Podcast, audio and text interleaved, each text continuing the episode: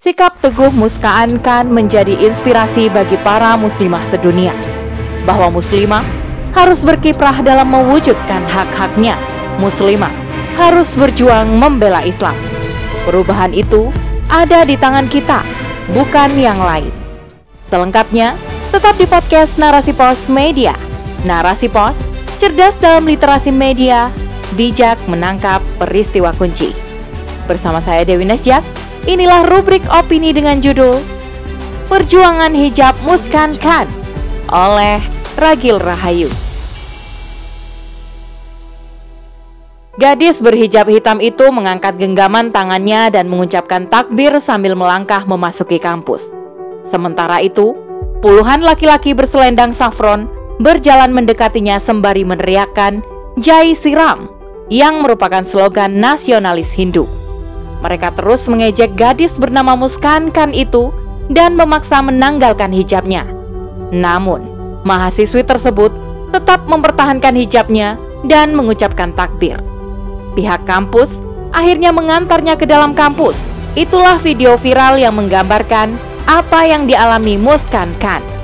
Kini, ia menjadi ikon perjuangan hijab di India. Pelarangan hijab merupakan sesuatu yang baru di India. Selama ini, Muslimah India sudah bisa mengenakan hijab dalam kesehariannya. Namun, keadaan menjadi buruk dalam beberapa pekan terakhir. Sebuah perguruan tinggi di distrik Udupi Karnataka mengeluarkan larangan berhijab. Siswa boleh mengenakan hijab di kampus, tetapi terlarang di dalam kelas. Sekolah lain pun ikut mengeluarkan larangan yang sama. Akibat larangan tersebut, para siswi muslim tak bisa bersekolah dan mendapatkan hak pendidikannya. Mereka diizinkan memasuki kelas jika melepaskan hijab. Atas pelarangan ini, kaum muslimin India telah melakukan protes. Selain aksi massa, mereka juga menyampaikan tuntutan ke pengadilan. Pelarangan hijab di India merupakan bagian dari agenda anti-Islam Partai Bharatiya Janata Party atau BJP pimpinan Perdana Menteri Narendra Modi. Sejak Modi berkuasa, serangan terhadap Muslim meningkat. Inilah secuil gambaran nasib Muslim India. Di negeri yang dulu merupakan Kesultanan Islam ini, umat Islam dipinggirkan dan kehilangan hak-haknya. Paham fasisme Hinduftan yang menjadi asas partai BJP tidak menghendaki adanya kaum muslim di India. Itulah sebabnya umat Islam diburu dianiaya, dilecehkan, disiksa, dibunuh, dibakar, dan digantung. Muslim India terus mengalami diskriminasi.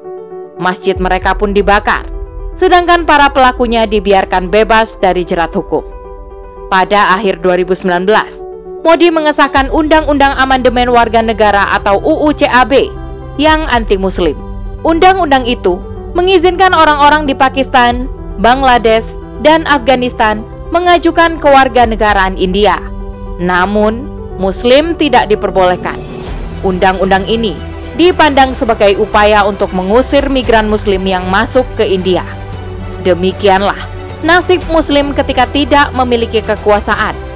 Meski jumlah Muslim India mencapai 200 juta jiwa, mereka tidak memiliki kekuatan untuk mendapatkan hak-hak dasarnya. Padahal, dulu Islam pernah berkuasa di India. Islam telah masuk ke India sejak abad ke-1 Hijriah, yakni ketika Khalifah Umar bin Khattab mengirimkan ekspedisi atau futuhat ke sana. Khilafah Bani Umayyah melanjutkan futuhat ke India di bawah Panglima Muhammad bin Qasim. Umat Islam berhasil menguasai wilayah Sind dan menjadi penduduk India. Kejayaan Islam di India terjadi pada masa Kesultanan Mughal saat itu wilayahnya sangat luas, meliputi Kabul, Lahore, Multan, Delhi, Agra, Oud, Allahabad, Ajmer, Gujarat, Melwa, Bihar, Bengal, Kandes, Berar, Kashmir, Bajipur, Galkanda, Tahore, dan Trikhinopoli. Kekuasaan Islam mampu membawa India pada kemakmuran. Kesultanan ini memproduksi rempah-rempah, gula, garam, wol, parfum, dan bahkan mampu mengekspor kain ke Eropa. Kesultanan Mughal juga berhasil mewujudkan pendidikan nan gemilang, sehingga silabusnya masih dipakai hingga hari ini. Bangunan madrasah, masjid, dan perpustakaan tersebar di seantero wilayah. Perpustakaannya memiliki koleksi puluhan ribu buku dan ilmu pengetahuan berkembang pesat.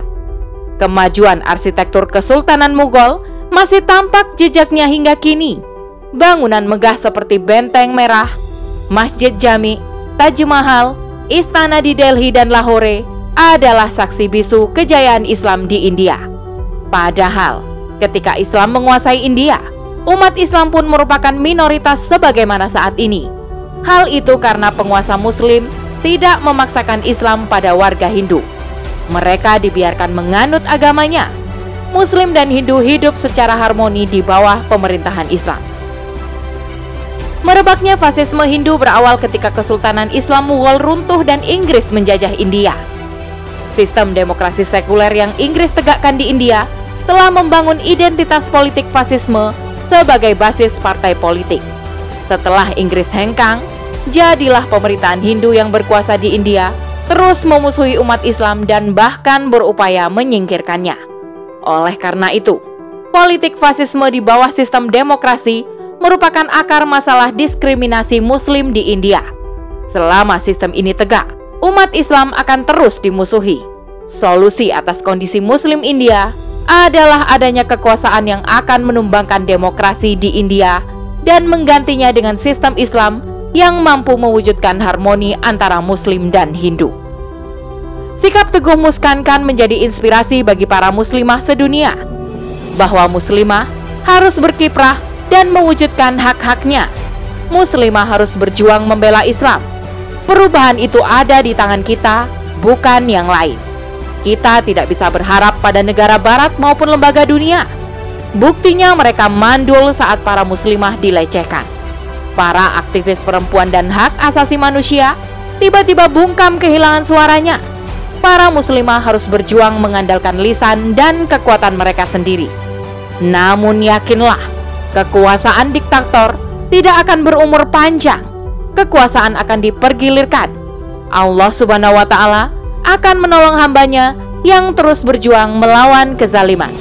Allah Subhanahu wa taala berfirman, "Ataukah kamu mengira bahwa kamu akan masuk surga padahal belum datang kepadamu cobaan seperti yang dialami orang-orang terdahulu sebelum kamu?" Mereka ditimpa kemelaratan, penderitaan, dan diguncang dengan berbagai cobaan sehingga Rasul dan orang-orang yang beriman bersamanya berkata, Kapankah datang pertolongan Allah? Ingatlah, sesungguhnya pertolongan Allah itu dekat. Quran Surah Al-Baqarah ayat 214 Wallahu a'lam bishawab. Demikian rubrik opini kali ini. Sampai bertemu dalam rubrik opini selanjutnya. Saya Dewi Najak undur diri. Alfu minkum. Wassalamualaikum warahmatullahi wabarakatuh.